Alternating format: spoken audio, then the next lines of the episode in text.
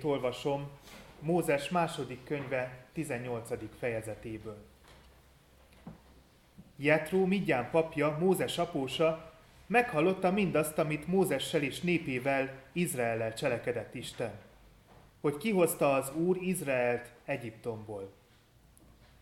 Fogta Jetró, Mózes apósa Cipórát, Mózes feleségét, akit ő hazaküldött, és két fiát is. Az egyikük neve Gerson volt, mert azt mondta, vándor voltam idegen földön. A másik neve pedig Eliézer volt, mert azt mondta, Atyám Istene segítségül volt nekem, és megszabadított a fáraó fegyverétől.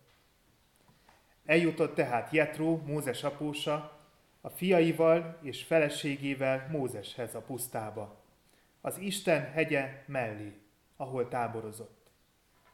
Megüzente Mózesnek. Én, Jetró, az apósod megyek hozzád a feleségeddel és két fiával. Ekkor Mózes kiment az apósa elé, meghajolt, megcsókolta őt, békességet kívántak egymásnak, és bementek a sátorba. Mózes elbeszélte az apósának mindazt, amit az úr a fáraóval és az egyiptomiakkal cselekedett Izraelért, és mindazt a sok bajt, amely útközben érte őket, és azt, hogy miként szabadította meg őket az Úr. És Jetró örvendezett mindannak a jónak, amit az Úr Izraellel cselekedett, hogy megszabadította őket az egyiptomiak kezéből. Ezután azt mondta Jetró, áldott legyen az Úr, aki megszabadított titeket az egyiptomiak kezéből és a fáraó kezéből, aki megmentette a népet az egyiptomiak hatalmából. Most már tudom, hogy nagyobb az Úr minden Istennél. Valóban ez igazolódott be akkor, amikor ők Izrael népe ellen védkeztek. És Jetró, Mózes apósa, égő áldozattal és véres áldozattal áldozott Istennek. Áron pedig és Izrael minden véne eljött, hogy együtt tegyenek kenyeret Mózes apósával Isten előtt. Másnap leült Mózes, hogy bíráskodjék a nép között. A nép pedig reggeltől estig Mózes előtt állt. Amikor látta Mózes apósa mindazt, amit ő a néppel cselekedett, azt mondta. Milyen dolog az, amit a néppel teszel? Miért ülsz ott egyedül, mint bíró? Az egész nép pedig előtted áll reggeltől estig. Mózes azt felelte neki, mert a nép Isten akaratát tudakolni jön hozzám. Ha ügyük, bajuk van, hozzám jönnek, és bíráskodom az ember és az ő embertársa között, és tudtára adom Isten végzéseit és törvényeit. Mózes apósa erre azt mondta neki, nem jó az, amit cselekszel. Túlságosan kifáradsz te is, a veled levő nép is, mert erőt fölött való dolog ez. Nem végezheted egymagad, most azért hallgass a szavamra, tanácsot adok neked, és Isten veled lesz.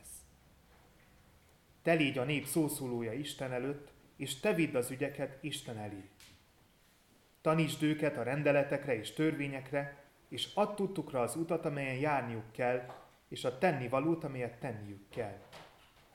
Ugyanakkor szemelj ki magadnak az egész nép közül derék istenfélő férfiakat, igazságos férfiakat, akik gyűlölik a haszonlesést, és tedd közöttük előjárókká, ezredesekké, századosokká, ötvenedesekké és tizedesekké. Ők bíráskodjanak a nép között minden időben úgy, hogy minden nagyobb ügyet te elét hozzanak, minden csekélyebb dologban pedig ők ítéljenek. Így könnyítesz a terheden, ha veled együtt hordozzák. Ha így cselekszel, és Isten is ezt parancsolja neked, te is hely tudsz állni, és az egész nép is békességben mehet vissza a helyére. Mózes hallgatott apósa szavára, és mindazt megtette, amit mondott. Derék férfiakat választott ki egész Izraelből, és a nép fejévé tette őket, ezredesekké, századosokká, ötvenedesekké és tizedesekké. Ezek bíráskodtak a nép között minden időben. A nehéz dolgokat Mózes elé vitték, minden kisebb dologban pedig ők tettek igazságot. Azután Mózes elbocsátotta apósát, és az elment a hazájába. A kegyelem tegye áldotta az ő igéjét, hogy Krisztus beszéde lakozom bennünk gazdagon, és teremjünk áldott gyümölcsöket az ő dicsőségére. Imádkozzunk!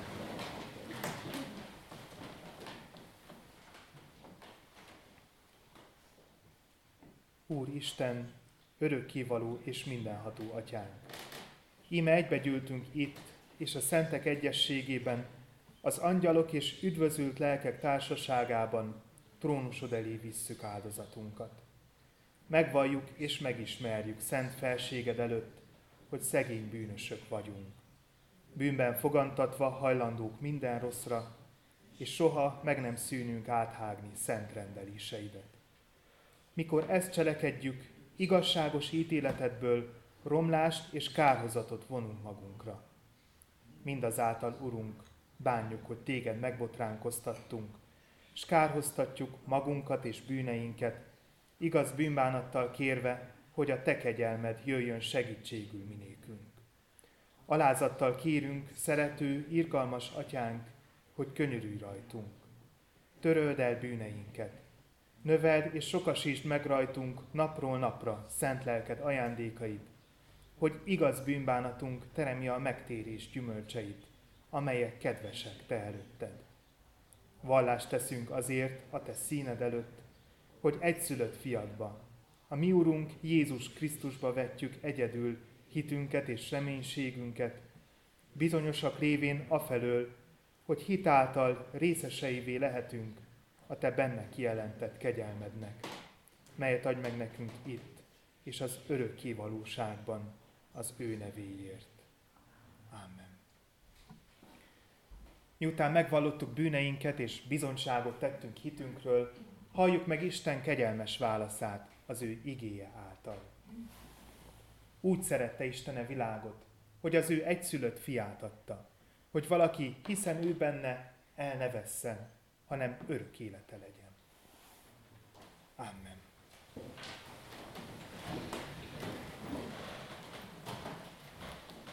32. énekünk első és negyedik szakaszával dicsérjük a mi kegyelmes Istenünket. A 32. Zsoltár első szakasza így kezdődik. Ó, mely boldog az oly ember életében, akit az Isten bévet kegyelmébe. thank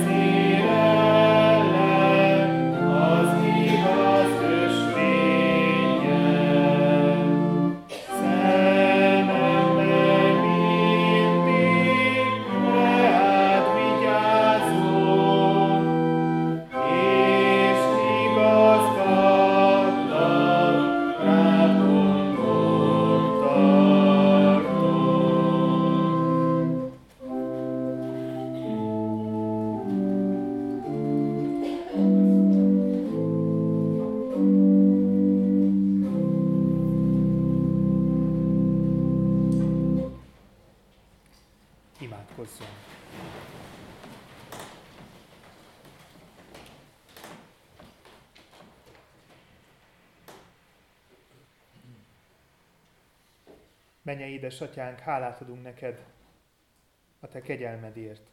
Azért, hogy nem a bűneinket, nem a hibáinkat nézed, nem azt figyeled, hogy mennyire tökéletlenek vagyunk, hanem szeretettel fordulsz hozzánk, megbocsátasz nekünk.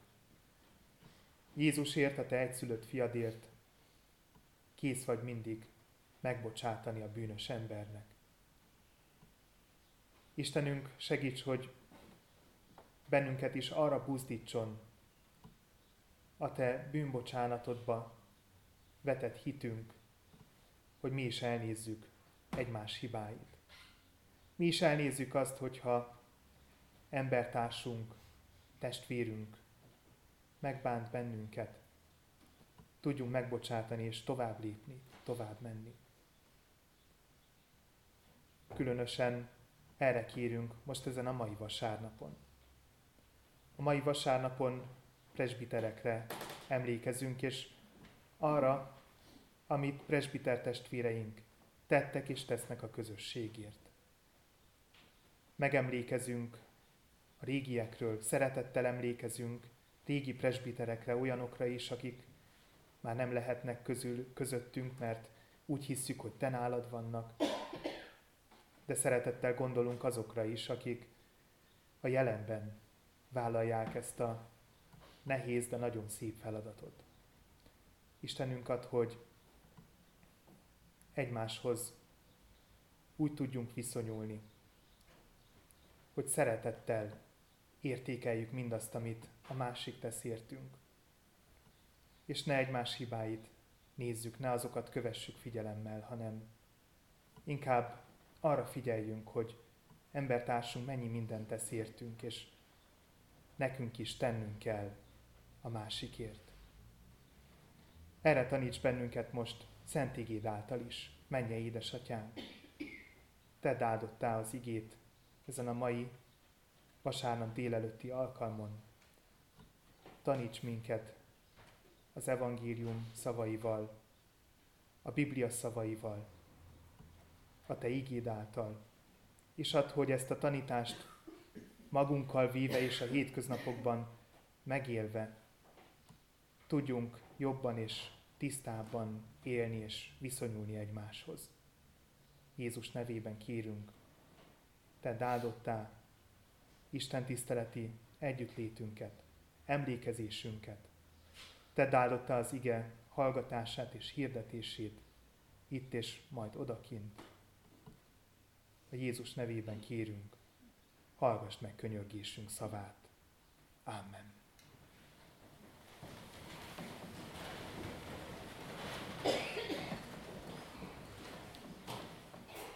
a 164. énekünk második szakaszával készüljünk Isten igéjét hallgatni. A 164. énekünk második szakasza így kezdődik. Szent igédnek világát tündököltest lelkünkben. thank you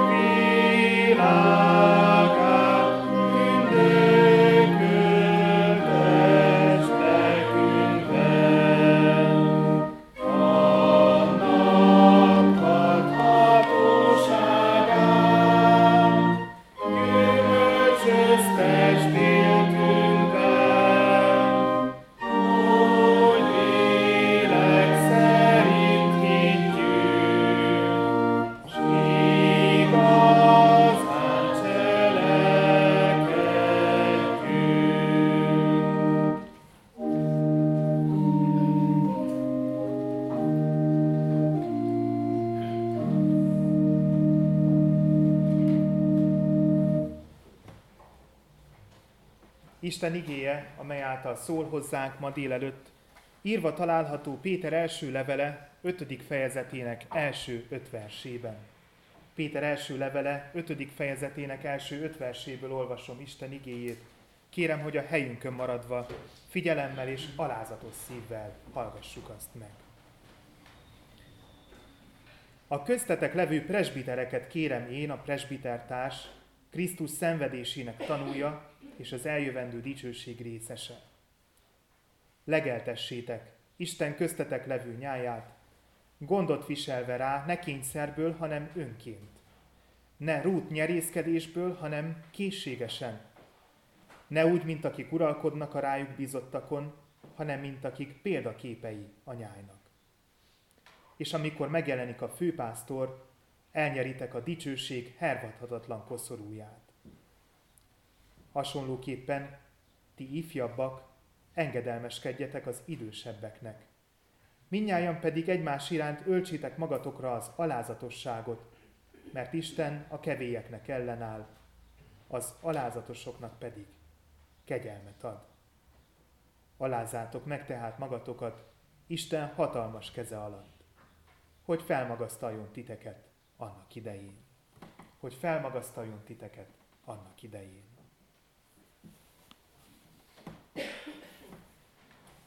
Már a legrégebbi korok emberi kultúráját figyelve, azzal szembesülünk, hogy az élettapasztalatnak mindig is kiárt a tisztelet. Nem Izrael az első nép, amely esetében azzal találkozunk, hogy tisztelik az idősebbet. Ez egy nagyon természetes, magától értetődő társadalmi rendnek a része, megnyilvánulása. Valószínűleg az emberek nagyon hamar rájöttek arra, hogy az élettapasztalatoknak nagyon nagy, szinte megfizethetetlen értéke van. Isten azáltal biztosította számunkra a nagyjáválást, hogy olyanná teremtett, akik képesek vagyunk gyorsabban átörökíteni olyan kollektív tudásanyagot, amely nélkül kérdéses lenne a fennmaradásunk. Míg egyes fajok esetében a túlélés esélye attól függ, hogy a lassan génekbe íródó tapasztalati alapú információ időben megváltoztat-e bizonyos viselkedési formákat, vagy sem, addig a mi esetünkben a tapasztalat tanulás útján is átörökíthető. És így sokkal gyorsabb, gördülékenyebb az átadás, és hamarabb alkalmazkodunk fontos változásokhoz, amelyek a létünket megkérdőjelezhetik néha. Az élettapasztalatnak nagy értéke van emberi kultúránkban. Éppen ezért már több korabeli kultúrában meghonosodott, hogy egyfajta idősebbekből, vénekből álló tanácsra bízzák a döntéseket. A pusztai vándorlással, később a bírák korával nagyjából egy időben a krétai és a spártai városállamok kultúrájában is valami nagyon hasonló figyelhető meg. Mindkét esetben 60 évesnél idősebb férfiakból úgynevezett gerúsziát választottak, amely javasolhatta a népgyűlésnek azt, hogy miről tárgyaljanak és miről nem. És ha valami olyan határozatra készültek, amivel nem értettek egyet, akkor egyszerűen feloszlatták a népgyűlést. Mózes második könyve elején, a harmadik fejezetben már arról olvasunk, hogy Izraelnek az Egyiptomból való kivonulást megelőzően már voltak vénei. Mózes, mikor 40 év elteltével visszatér Egyiptomba, hogy véghez vigye mindazt, amit Isten rábízott, akkor Izrael véneivel tárgyal. És őket kell meggyőzze arról az útról, amelyet Isten mutatok neki. Mert az ő kezükben van az irányítás. Az Isten tisztelet elején felolvasott ige egy olyan bibliai rész, amely sokszor elhangzik presbiter továbbképzőkön. Itt a Vének tanácsa intézményének egy továbbfejlesztett változatáról van szó. Jetró, Midian papja arra biztatja a vejét a történet szerint, hogy ossza le a feladatokat, mert így könnyebb lesz neki is, és könnyebb lesz a nép számára is. Ne akarjon mindent kézben tartani. Ne ő hozzon döntést az összes ügyes bajos ügyben, amelyben bíráskodni kell, hanem tanítson meg másokat is az Istentől kapott törvényekre és rendeletekre, tegyen másokat is ezredesekké, századosokká, ötvenedesekké és tizedesekké. válasszon ki derék, istenfélő, igaz férfiakat, akiknek a segítségével eloszlik a feladat és a felelősség. És itt már nem azt olvassuk, hogy az életkor számít, hanem Isten törvényének az ismerete az, amely tekintét ad. Olyan tekintét, ami elengedhetetlenül fontos ahhoz, hogy a reájuk bízott emberek elfogadják a döntést és az ítéletet, amit hoznak. Az első keresztény közösségek presbitériumában sem az életkor számított. Ez egyáltalán nem azt jelenti, hogy nem tisztelték az időseket. A kornak alapból kiár egyfajta tisztelet. De azt is tudjuk, hogy az életkor nem jár együtt minden esetben az élettapasztalattal is. Vannak fiatalabbak, akik sokkal több mindent élnek át rövid idő alatt, mint idős testvéreink, akik nyugodtabb időkben élik a fiatalságukat. Móri Zsigmond Erdély trilógiája szerint Betlen Gábor fejedelem, aki már 15 évesen igazi kemény csatákban, harcokban vett részt, a 20-as éveiben már úgy nézett ki, mint egy idős ember. Van, aki hamarabb, ideje korán megőszül. Mások arcán pedig egy életre nyomot hagynak az átélt borzalmak. De sokan vannak, akiknek az arcán mély nyomot hagynak küzdködések, nehézségek is. Vannak fiatalos öregek, de biztos vagyok benne, hogy mindannyian ismerünk koravén fiatalokat is, akik idősebbeknek látszanak, mint a valóságos koruk. Valószínűleg azért, mert intenzívebben kellett éljék az idejüket.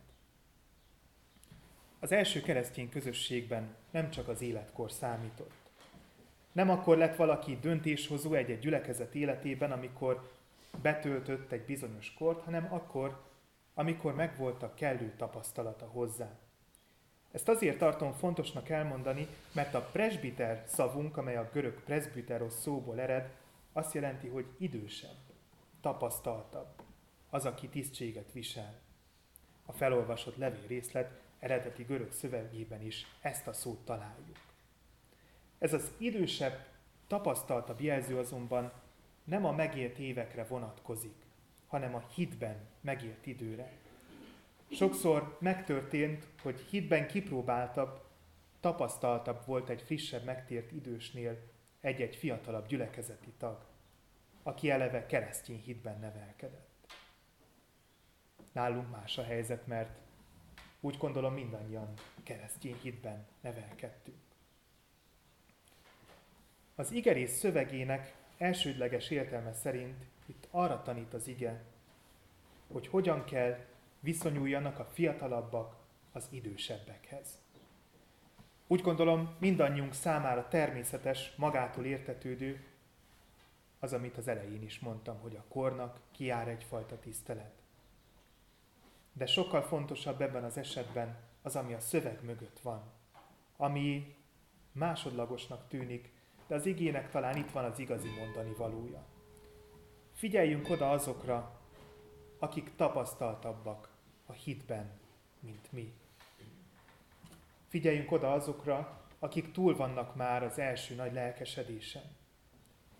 Azokra, akik egyszer már elolvasták a Bibliát, de elkezdték másodszor is. Figyeljünk oda azokra, akik már túl vannak néhány megpróbáltatáson, akik lehet elbuktak már egy párszor, mégis közöttünk vannak, mert érzik, hogy itt a helyük, és szüntelenül próbálkoznak, hogy jobbak és tisztábbak legyenek. Figyeljünk oda olyan testvérekre, akik sok imádkozással és gyötrődéssel, vajudással hoztak meg nehéz döntéseket. Ahogy a kagyló kiizzadja magából az igaz gyöngyöt, úgy izzadtak ki magukból olyasmit, ami nem kellemes, de Istennek tetsző. Őket tekinti a Biblia idősebbeknek. Péter maga is ilyen, a hit szempontjából is idős, tapasztalt keresztjén. Aki tagadása ellenére is végül megmaradt Jézus mellett. Aki bőven átélt nehézségeket is, de továbbra is ragaszkodott a Jézus Krisztusban megtalált igaz kincshez, a bűnbocsánat és az üdvösség ígéretéhez, amely hálaadó életre kötelez. ugyanakkor, mint presbiter társ, szól a többi presbiterhez. A nyáj és a pásztor metaforáját használva buzdítja őket arra, hogy gondoskodjanak a reájuk bízott gyülekezetről. Három ellentétpárról olvashatunk itt. Ezek segítségével körvonalazódik, hogy milyen hozzáállásra van szükség ahhoz, hogy minél jobban, minél hűségesebben végezze a feladatait az, aki a gyülekezetben vezető szereppel bír. Az első ellentétpár a kényszerűség és az önkéntesség ellentétje. Ne kényszerből viseljétek gondját, figyelmeztet Péter, hanem önként. Fontos, hogy akire feladatok vannak bízva, az motivált legyen. És az is fontos, hogy önállóan hozzon döntéseket, olyan döntéseket, amelyek az ő hatáskörébe tartoznak. Az Isten tisztelet elején felolvasott igében az volt az eredménye annak, hogy előjárókat neveztek és jelöltek ki, hogy megoszlottak a feladatok. És így több figyelem meg energia jutott kisebb ügyeknek is. Fontos, hogy gyülekezeten belül mi is megosszuk a feladatokat, és amit vállaltunk, azt önként tegyük, nem kényszerből.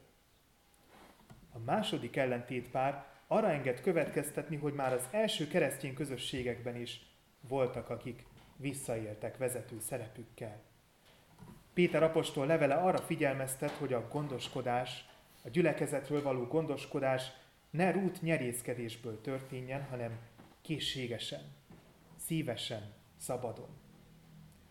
Miközben jót teszünk, ne azt nézzük, hogy hol fogjuk majd visszakapni azt, amit adtunk, hanem az érdekeinket félretéve segítsünk másokon, és úgy végezzük mindazt, amit ránk bízott az Úr, mintha nem kapnánk érte jutalmat.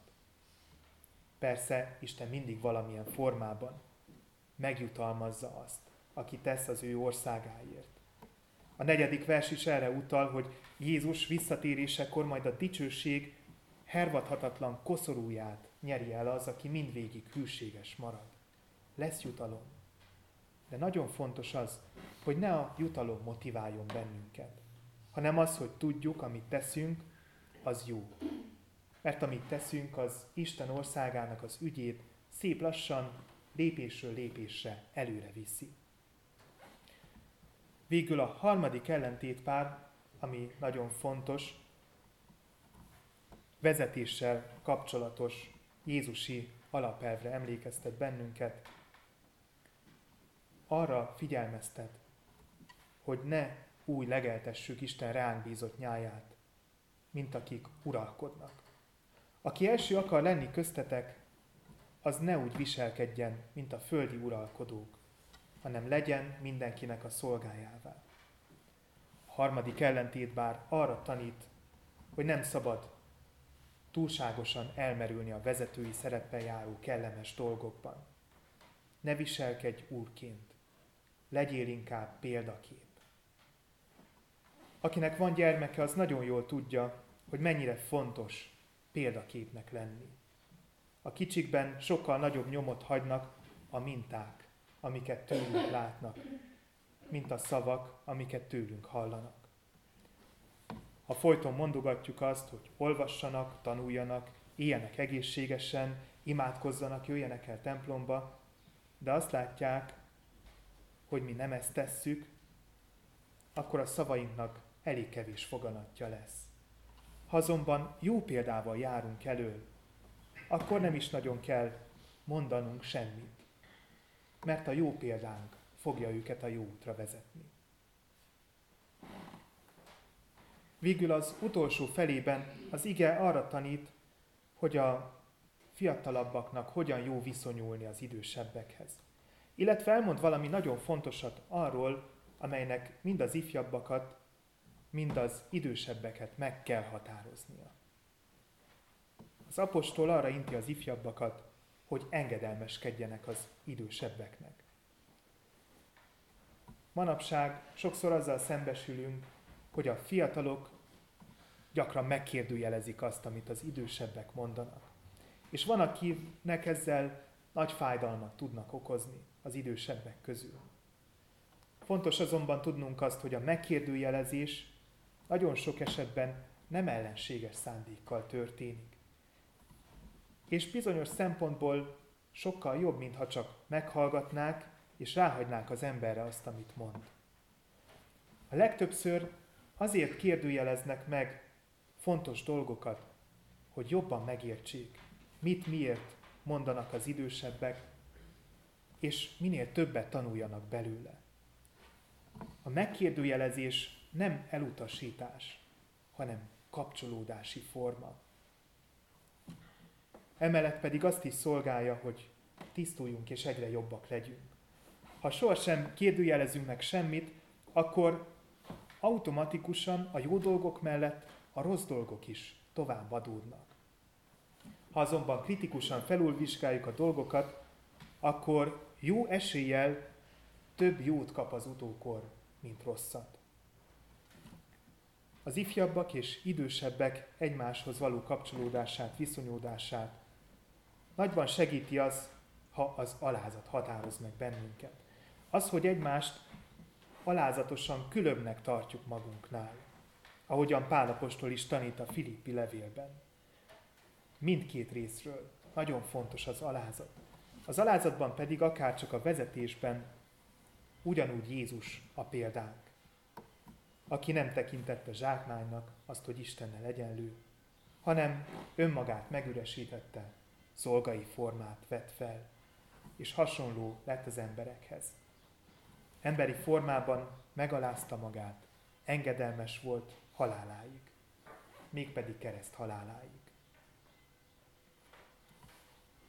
Valószínűleg annyira alázatosak, mint amennyire alázatos ő volt, soha sem leszünk. De törekednünk kell arra, hogy alázatosan élve váljunk egyre inkább olyanokká, amilyeneknek Isten szeretne látni bennünket, egyénileg és közösségileg. Az alázat ellentéte a kevésség, a büszkeség Péter apostol szerint. Az igerész végén azt olvassuk, hogy Isten az alázatosoknak kegyelmet ad. Akik tisztában vannak határaikkal, véges erejükkel, és azzal, hogy mindannyian egytől egyig rá vagyunk utalva Isten kegyelmére. Isten csak annak adja kenyermét, aki tisztában van azzal, hogy szüksége van rá. Adja, hogy ezt mi is fel tudjuk ismerni újra és újra. Alázatosan mindig lássuk meg azt is, hogy kegyelme mellett nagy szükségünk van egymásra is. Mindenkire, akivel a mindenható Isten összehoz minket az életünk során. Idősebbekként szükségünk van a fiatalabbakra, és fiatalabbakként szükségünk van az idősebbekre. Presbiterekként és egyháztagokként szükségünk van egymásra. Erre is emlékeztessük egymást. Különnek tartva mindig a másikat önmagunknál. Amen.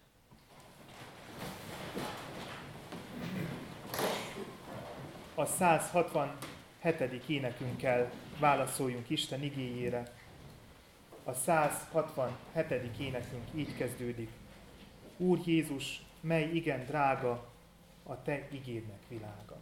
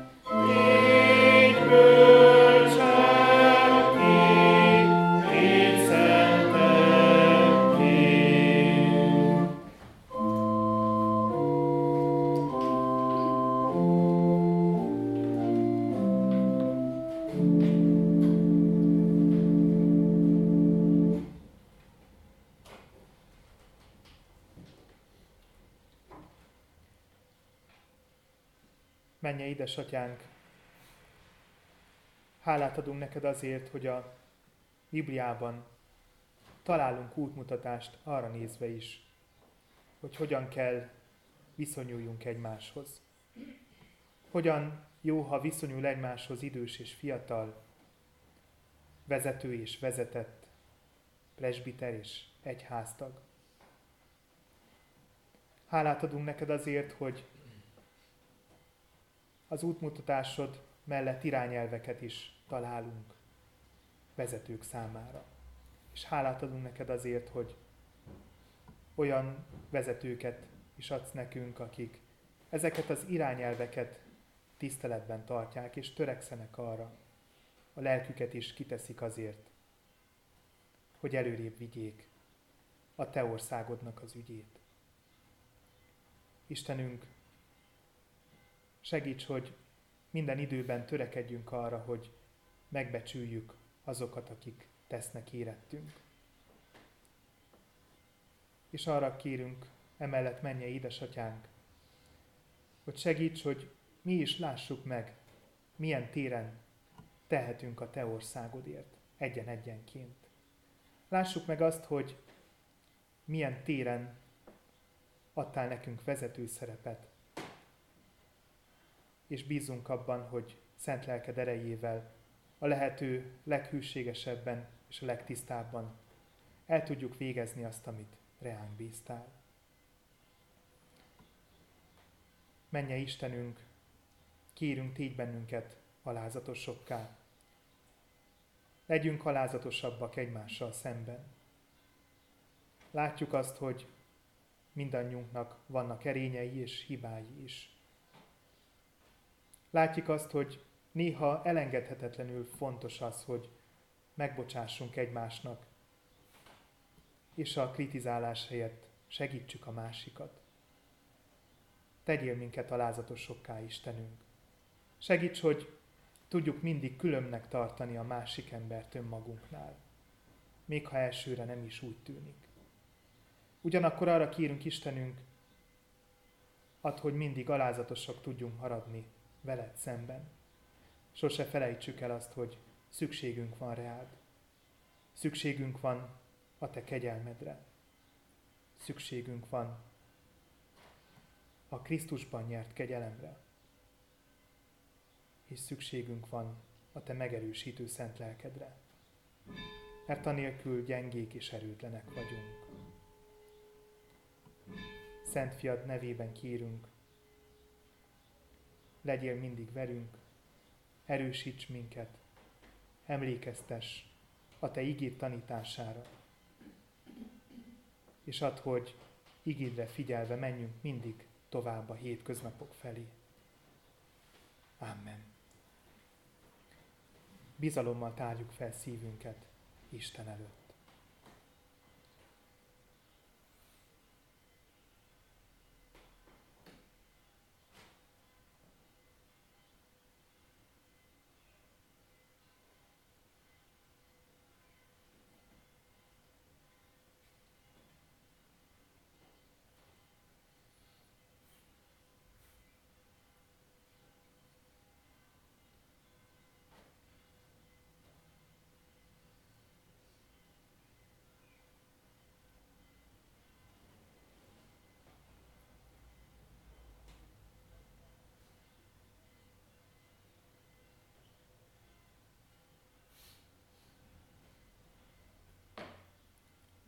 Áldott a mi Urunk, aki meghallgatja könyörgésünk szavát.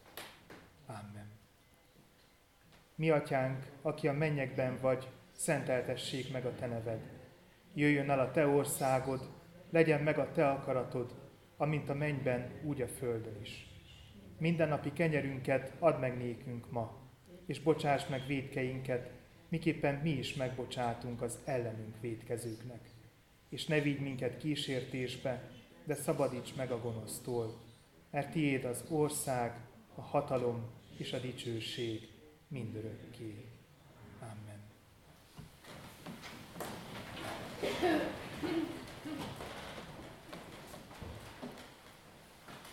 Az adakozást ajánlom testvéreim segítő jó indulatába, tudva, hogy a jókedvű adakozót szereti és megáldja a mi Istenünk.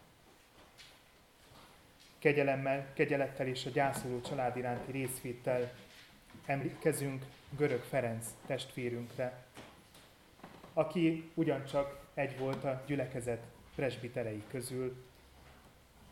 Augusztus 6-án lesz hat éve, hogy távozott közülünk. Elhunyt testvérünk közvegye itt van velünk ugyancsak a, a templomban. És arra kérjük Istent, hogy ő legyen az, aki vigasztalást ad. Mert a gyász hosszú idő után is még fáj az embernek. Elhunyt testvérünk emlékét egy száz lejadományjal szeretné megörökíteni a gyülekezetben.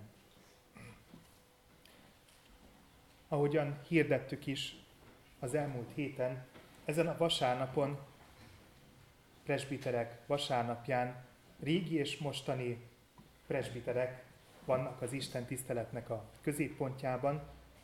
Egy, egy rövid fényképes összeállítást is készítettünk, olyan képekből, amelyek presbiterekkel kapcsolatosak. Erre egy énekkel, egy énekkel készüljünk most, azzal az énekkel, amelyet tisztségviselők, egyházi tisztségviselők fogadalom tételekor szoktunk énekelni.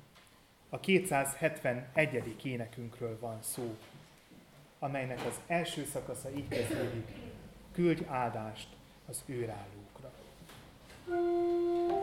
thank you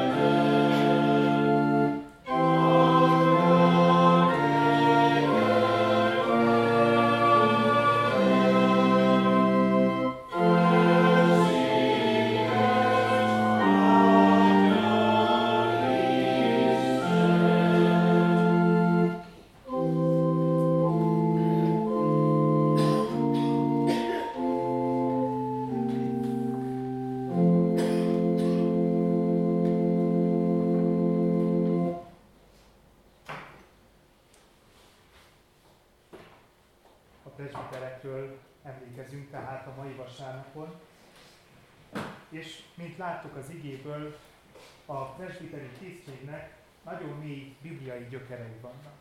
Az új szövetségből származik a presbiter szavunk is, görög szóból, és az új szövetséget követően az első keresztény közösségekben is tudjuk, hogy voltak olyan személyek, akiket presbitereknek tartottak a többiek, mert tapasztaltabbak voltak a hitben.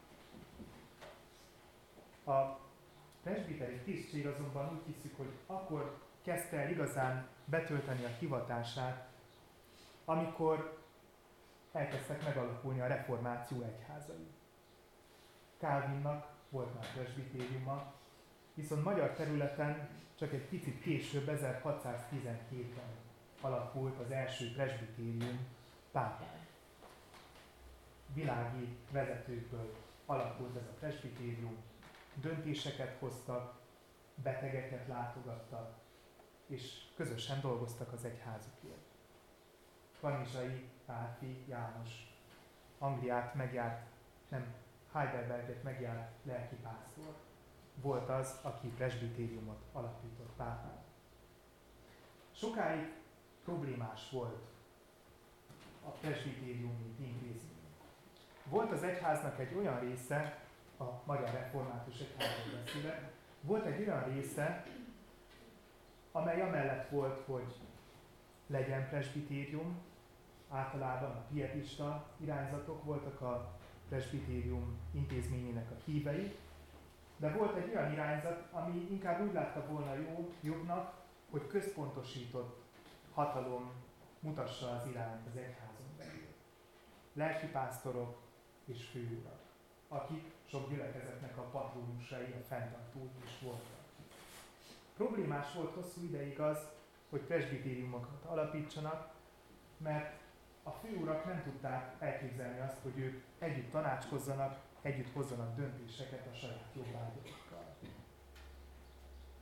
Az első olyan egyházi zsinat, ami egyértelműen kimondja, hogy református egyházunk zsinat presbiteri elveken alapul, az a debreceni alkotmányozó zsinat volt ezelőtt 140 évvel, 1881-82-ben. A presbitérium intézménye azóta bontakozott ki, és egy hosszú fejlődési folyamat eredménye az a rendtartás, amelyben mi élünk a jelenben. És hát ennek a rendtartásnak az is része, hogy a, a presbitereket a gyülekezet választja a maga köreiből. Megvan erre a szabályzat. És amikor megválasztják őket frissen, akkor fogadalmat tesznek a gyülekezet előtt, hogy a lehető leghűségesebben igyekeznek arra, hogy végezzék a rájuk bízott feladatot.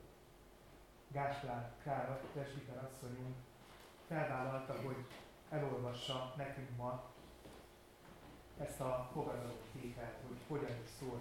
Aki közülünk már tett ilyen fogadalmat, az visszaemlékezhet a fogadalmára, aki pedig nem tett, és esetleg nem volt jelen olyan alkalman, amikor presbiterek tettek fogadalmat, az megismerkedhet a szövegével.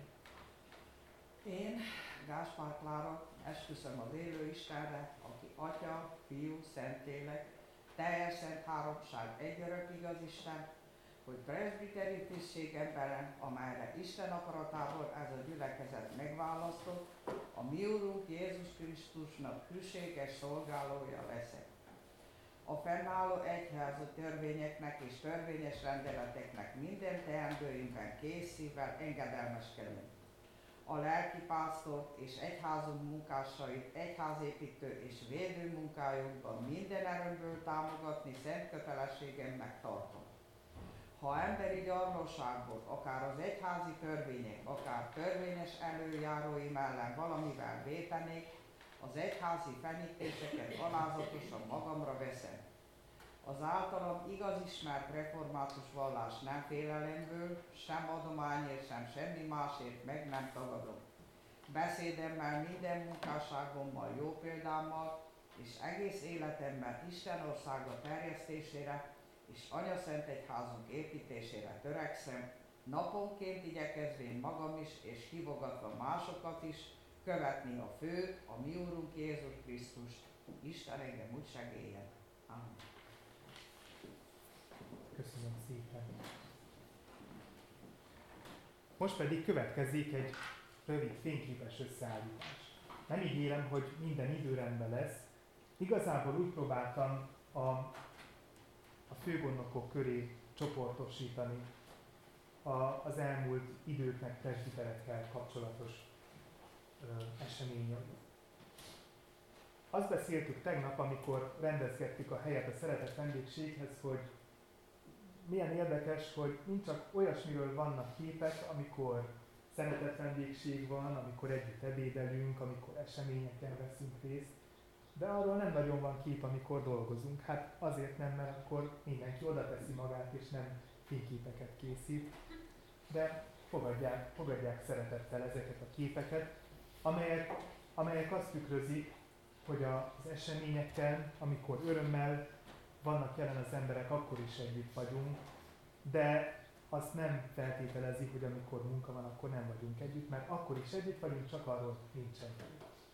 Majd megpróbálunk gondoskodni, hogy legyen több olyan kép is. Az első személyiség, aki köré csoportosítottam a fényképeket, a Szegedi Márton bácsi. 1994-től a, a mai napig próbáltam fényképeket választani, mióta az egyházközségünk anyaegyházközség. Jövőre majd, hogyha jónak tartják ezt a hagyományt, amit amúgy Konrád Tibor testvérünk ajánlott, hogy, hogy elkezdjünk, akkor, akkor megpróbálunk régebbi időbe is visszanyúlni, de egyelőre ennyit sikerült találnunk. És hát Márton bácsi az, akire én még személyesen is emlékszem, amikor még úgy mosolyogtam kisgyerekként, mint Péter most. Én még emlékszem reál. Előbbi gondnokokra, főgondnokokra sajnos én, én nem emlékszem. Itt Márton bácsi van jelen, édesapámmal, a régi imaházat látjuk itt oldalt. A másik oldalon pedig a, a téglákat, amelyet a, a holland küldöttség tekintett meg, akkor, amikor, amikor ide látogattak. Ez még, még azelőtt volt, hogy megépült volna a templom, ott tetszenek látni az alapjait. Annak, amiben most vagyunk. Kicsit előrébb ugrunk az időben. Ez már az az idő, amikor 1994 őszén megérkezett a harang is. És a, az egyház tagok, ha tetszenek emlékezni, arra licitáltak, hogy milyen neve legyen a harangnak. Ha jól emlékszem, végül a Márton nevet kapta. Ott is Márton bácsit látjuk, és ott pedig édesapámat, Olá Józsefet láthatják. Itt éppen Júli néni licitál a harangra, és szólaltatja meg van olyan kép, ahol mi szaladgálunk és mi húzzuk a harangot, de azt most nem tettem be, mert az nem presbiterekkel kapcsolatos. De szívesen megmutatom bármikor. Ez még az az időszak, visszatértünk az időben, ahhoz az időszakhoz, amikor az imaházban voltak az Isten tiszteletek. Még úgy halványan emlékszem az imaháznak a hangulatára, de biztos önök előtt is ott van, akik, akik részt vettek az imaházban Isten tiszteleten. Ez kijövetelkor készült ez a kép, egy, egy videóból van kivágva, amit közé fogok tenni majd az egyházközségnek a logjára és a Facebook oldalán, hogy mind megnézhessenek. A presbiterek kirándulni is szoktak menni. Ez is a kellemes része közé tartozik a sok munka mellett. Ez 1992-ben történt, ez a kirándulás, amikor még a Kisbácsi és a Szucsági Egyházközség együvé tartozott. A Kisbácsi a Leány Egyházközsége volt a Szucságinak, és Kisbácsi meg Szucsági presbiterek mentek el Hollandiába egyháztagok, lelkipásztorukkal együtt. Tehát nem csak presbiterek, hanem egyháztagok is. És ha jól emlékszem, akkor húzás alapján. Ez itt a képen egy, egy csoportkép, megpróbálom felnagyítani. van, akit felismerek közülük, édesapámat mindenképp, Mihály bácsit ott lent, Pongrác Józsefet, Bazsó Lajost, aki még nagyon fiatal volt, akkor Bota Pista bácsi, Bota Józsefet, és segítsenek a többiben, mert sajnos.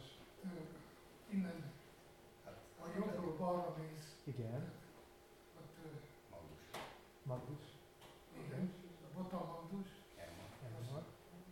Másik Az, elma. ö, Nem Csilla, az Csilla. Csilla. Bán Csilla, Arányos Csilla. Elma, Elma. igen. Csiszter elma. Utána az Ma- Szilágyi Mariska, Mariska. Vasó Lajos, Igen. Rozini. Rozika, Tényleg. Balázs. Ő ott hátul, ő lehet, hogy holland. Az holland. Igen, Az igen. holland volt. Az hollandó. A hölgy, ő Elma. Elma, igen. És, Ott lent, ö, és ez hollandok ketten lent. ők is hollandok. Mihály bácsi, az Frauke van de Ville, mellette Imke Kölen, a fehér. És bátyám, Sanyi bátyám. Sanyi. Bota Sanyi. Botasai. És ő meg Bota Pista bácsi. És így voltak. Igen. Igen. 92. Igen. Hát 30 éves. Szerintem ott még Diva Hogan készített. Aha, a képet. Ha, ez a videóban van, Hm. azt hiszem. De ugyanakkor. Van másik csoportkép is, ugyancsak erről a kirándulásról. Ez amikor az akkori templomban tetszettek járni, együtt az, az Isten tiszteleten. Kicsit erősebb ott a fehér szín, de ott látszik, hogy ott tetszenek lenni sorban. Ez pedig egy traktoron éppen. Ez egy mezőgazdasági, egy farmot látogattunk meg sokan. Biztosan nagy élmény volt ez a, ez a kirándulás. És hát, ha elmegy az ember, akkor vissza is jönnek, igaz? És voltak látogatóban, itt éppen, éppen Jó- Józsiéknál voltak ebédelni. Igen, egy segély, segélyszállítmányt hoztak, és abból, abból az alkalomból voltunk ott. Tini Fauke van ott, akit látok a hollandok közül, és hát hm, Igen, nem ismerem fel mindenkit. igen, igen. Hát ez Józsi, Babi. Babi néni, apósa és az anyósa, édesapám és ők vendégek.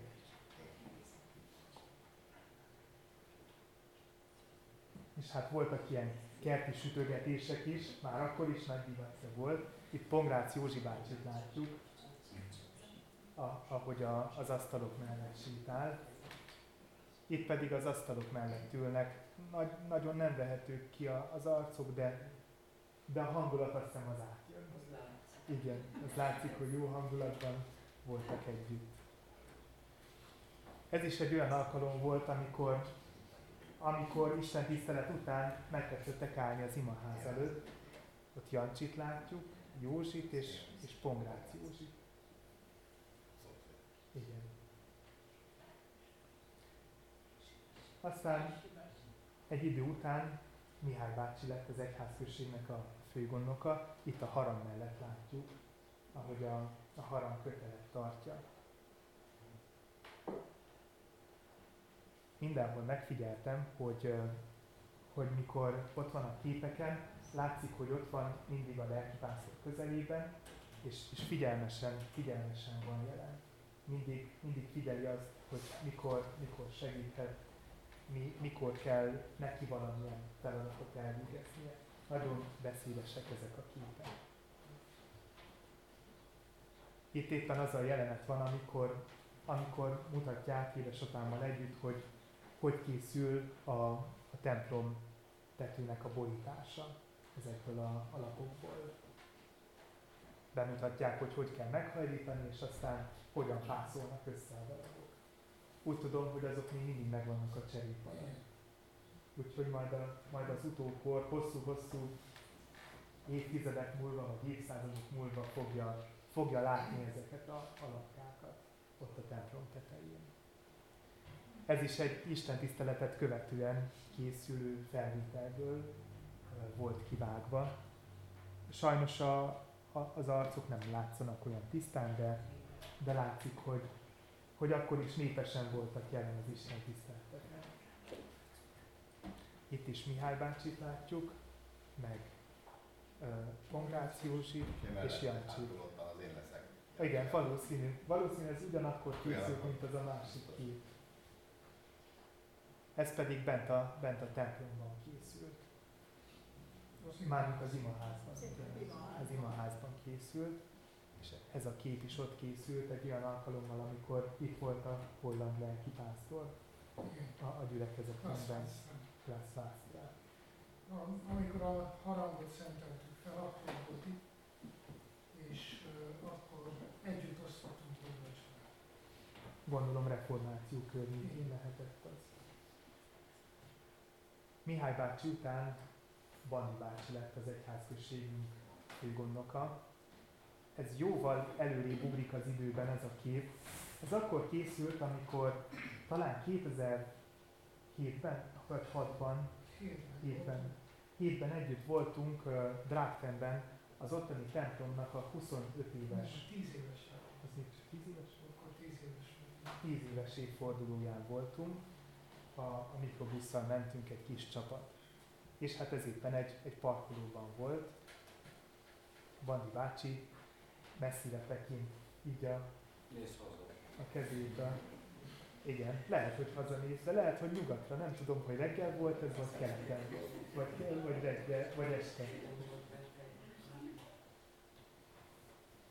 Akkor még ennél teljében volt, igen, és nem, nem volt beteg. Ez pedig ott volt, a, volt egy ilyen foci meccs, és, és ott beszélgetett az egyik ottani fiatallal, mellette pedig ott látjuk Fodor András, aki ugyancsak sajnos már nincsen közöttünk.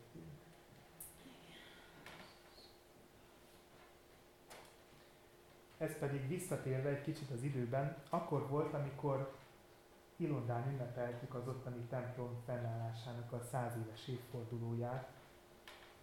Egy ünnepi istentisztelet volt, és, és egy ünnepi ebéd volt azokkal, akik eljöttek erre az alkalomra.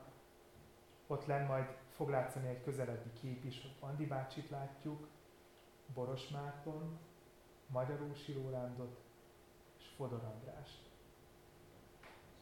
És ott pedig nagymamámat, aki, aki orgonál. Itt a következő képen jobban is látszik, csak egy picit sötéten. Ott, ott Boros Márton, Magyarósi Lórán, aki, aki már nem lehet közöttünk, és, és Fodor András, aki ugyancsak távozott a sorainkból. Ez egy vizitáció alkalmával készült felvétel.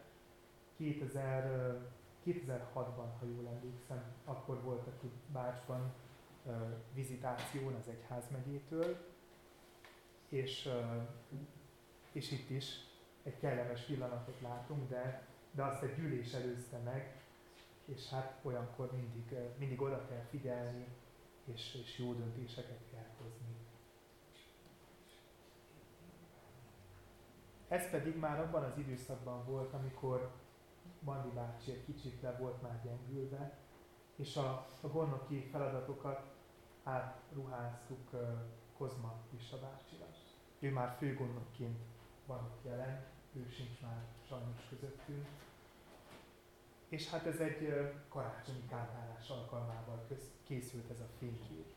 A, a presbitérium tagjai mellett itt találjuk a, a fiatalokat is a hátsó sorban. Ez az az év volt, amikor, amikor ha jól emlékszem, Hollandiában is voltunk a, a fiatalokkal. 2014 volt ez az esztendő. Itt egy másik szögből látjuk őket, és itt, itt pedig tovább, tovább megy a kép idegjenként.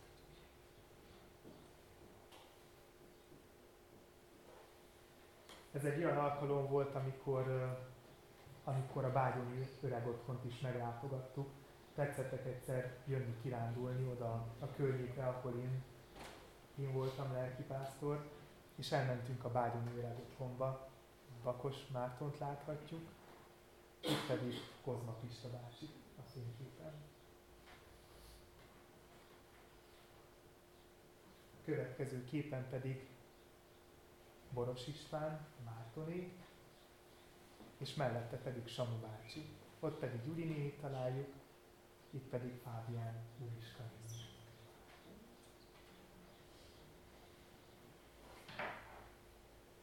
Öreg otthonban még látogathatnánk műszövetséggel is. Ez pedig egy olyan alkalom volt, amikor a, az udvaron volt egy kis együttlét.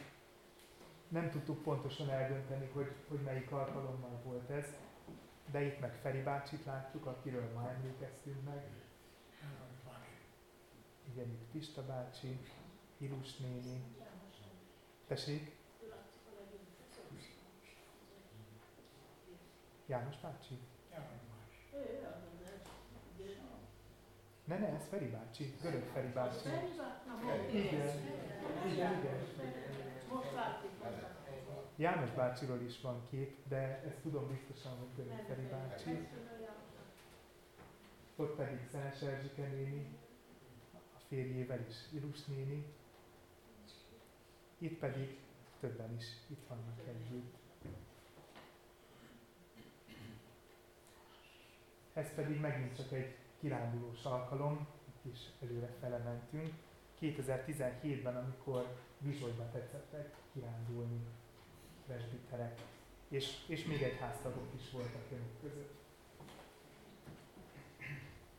Itt Petőfi szobránál Igen, ez Kolton. megállva. Koltón. Ez Koltonban a ö, Teleki kastély udvarán, ahol Petőfi a, ö, az őszi esítésben, Mhm. jönnek a földön a kerti virágok, Mhm. és ott ö, mellette van Júlia, akkor olvassa meg neki először a verset. Szeptember végén. Itt, a, itt az a Zsoltár jut eszembe, ami úgy kezdődik, hogy a szűrőtaposok dallamára egy hordóban áll, áll a hölgy, és, és önök hölgykoszorúként körülötte állnak. Ez pedig a, a templomban, templom előtt készült. Azt hiszem ott, ahol a, a Vizsolyi Biblia is található.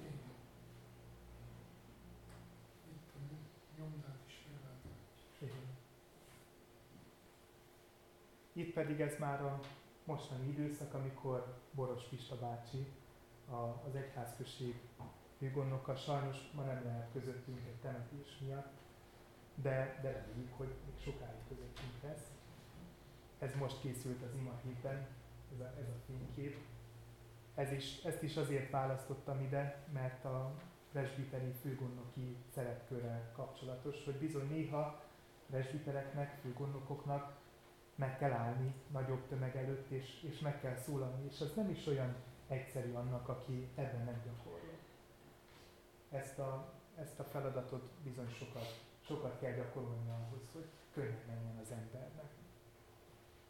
És hát itt megint egy, egy ilyen együttlét, ezt tudom, akkor volt, miután, miután Pétert keresztelték, akkor, akkor együtt voltunk egy, egy kicsit presbiterekkel, meg, meg a családdal.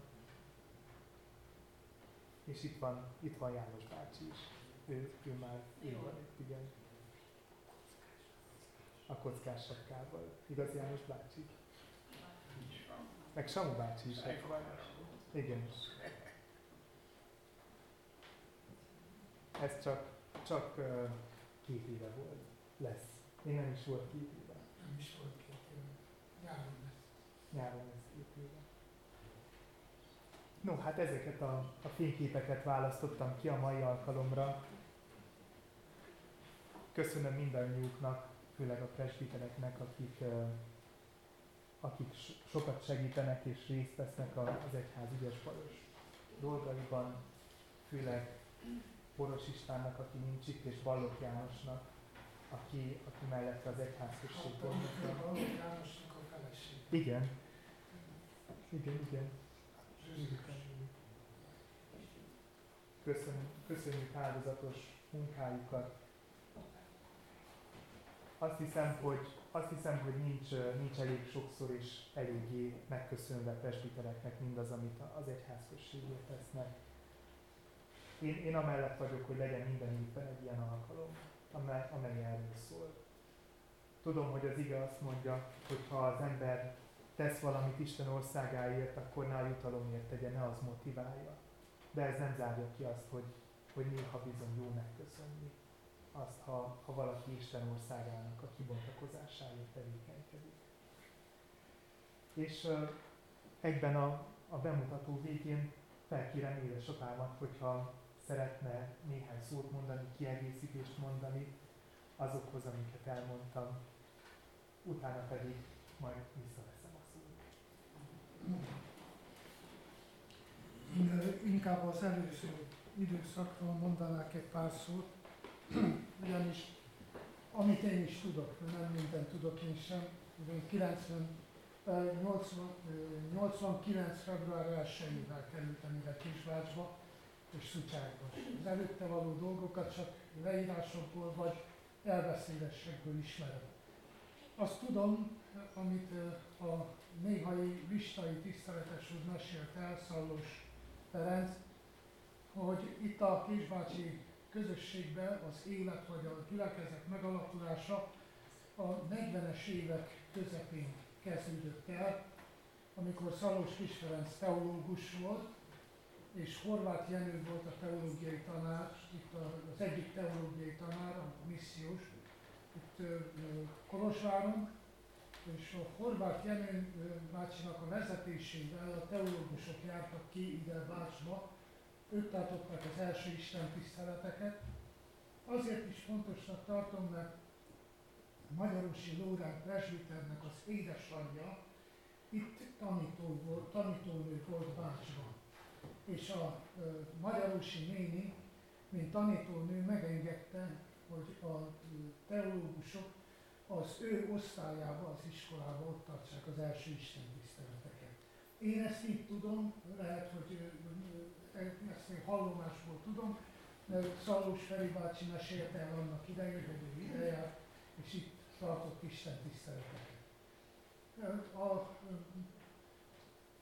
háború után közvetlenül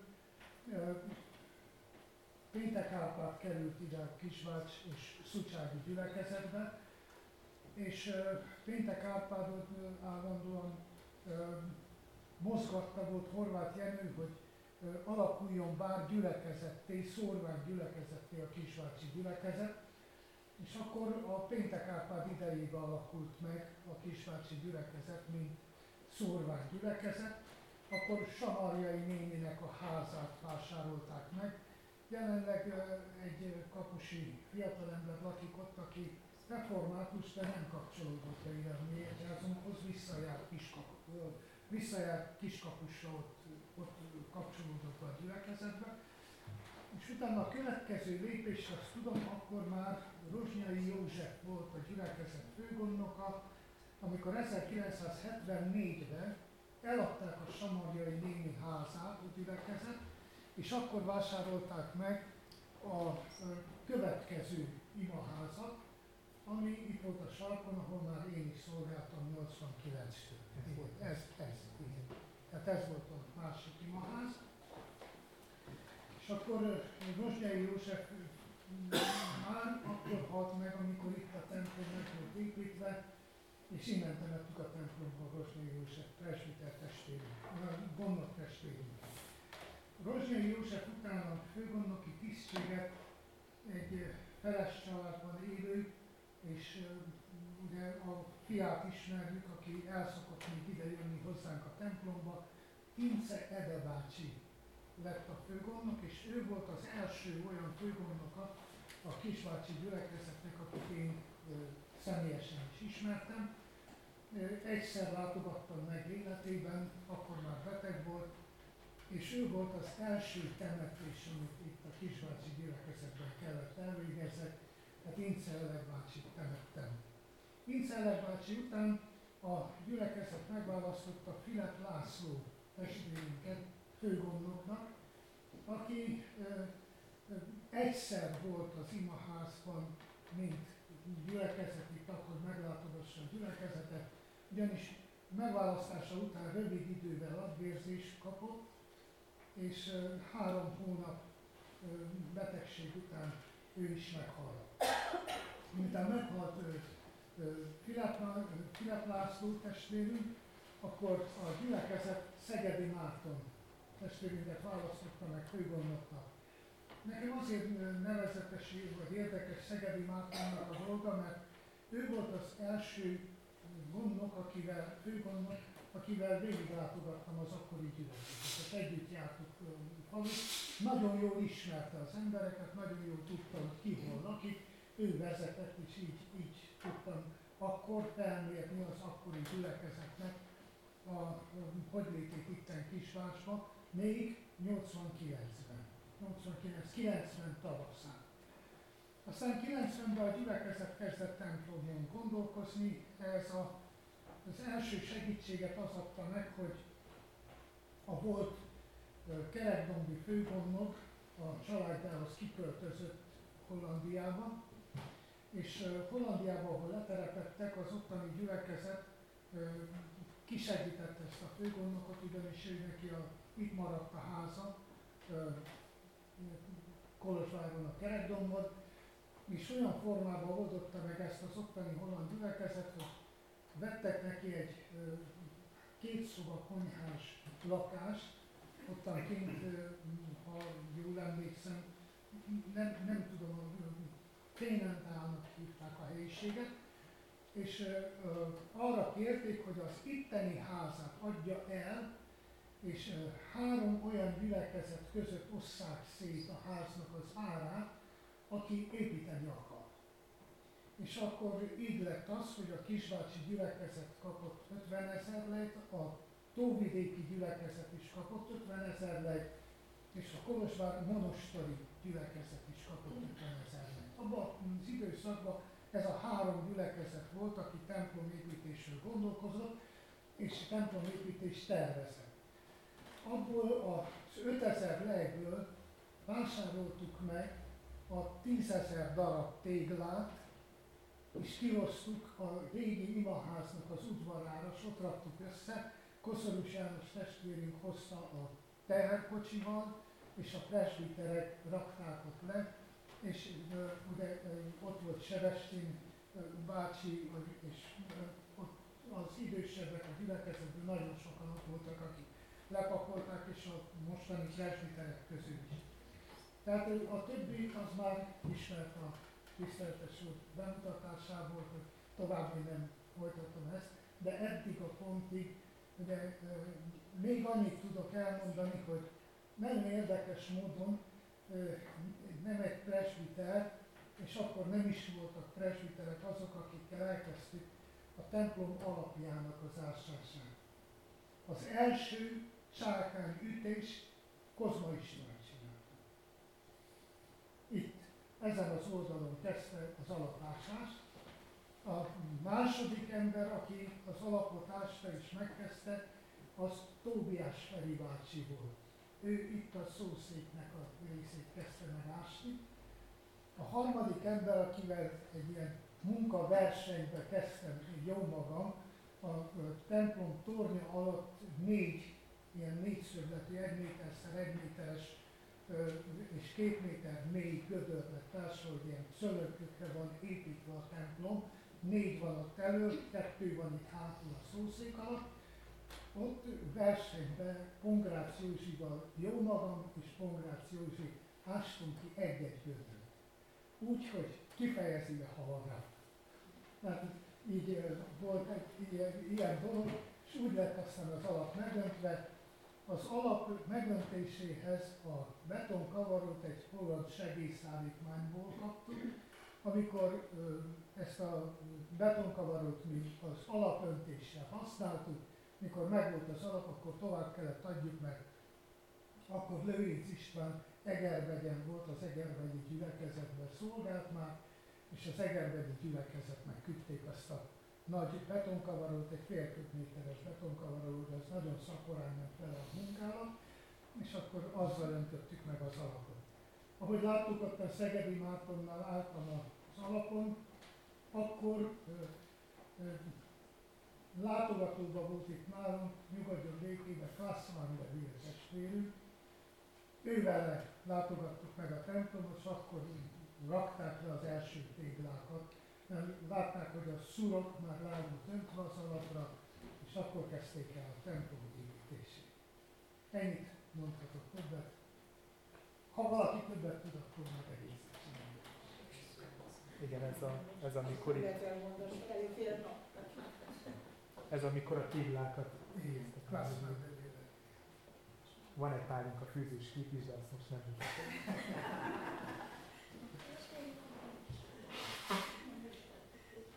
Van-e valaki, aki még szeretne megosztani velünk emléket? Nagyon fontosak ezek az alkalmak, mert az emlékek másképp elfelejtődnek, de így, így egy kicsit tovább élnek.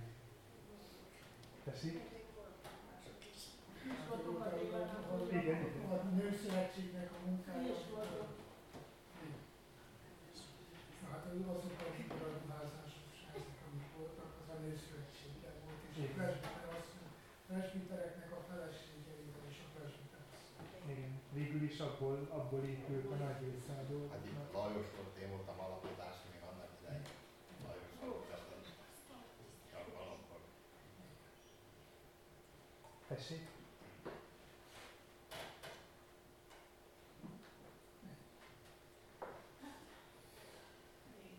Valaki még emléket? Hát ö, úgy terveztük ezt a mai alkalmat, hogy mikor itt véget ér a templomba, akkor kint lesz egy kis szeretett vendégség, és ha nem is akar senki felszólalni, mindenki előtt ott lehet beszélgetni ezekről a, a régi dolgokról. Jó, ha ezek a, a történetek itt tovább élnek, és, és van, akinek továbbadni. Azért, hogy, azért, hogy megmaradjanak. Vagy legalább, a, legalább megmaradjon az a lelkület, amelyel ezek a történetek megtörténtek annak idején. Ez nagyon-nagyon fontos. A templomban az első esküvő az Istvánti Karcsi esküvő. Igen.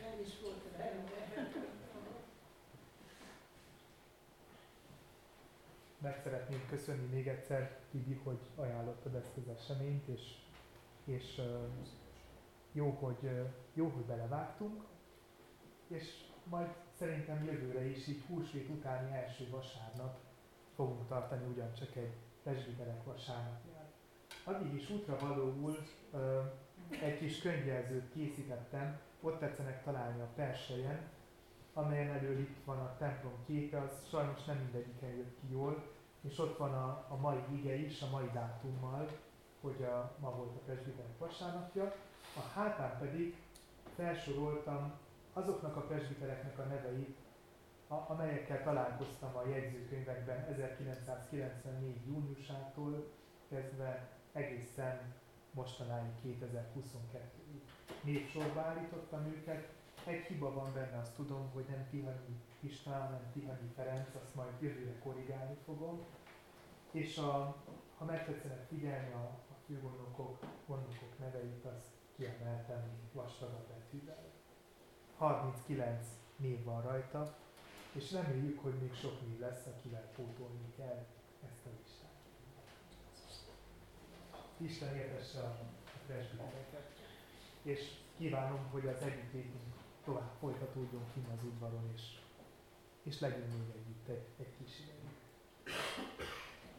Ugyanakkor kifelejtettem a, a hirdetésekből, hogy jövő héten szombaton 12 órától keresztelő, egy, órá, egy órától keresztelő lesz itt a templomban. Gábor testvéremnek és Kingának a kisfiát Zénót fogjuk megkeresztelni. Szeretettel várunk mindenkit erre az alkalomra is. Állásra várva a 477. énekünket énekeljük el. A 477. énekünk így kezdődik, hogy Isten szívét megkitenve, forjunk szív egyre. Thank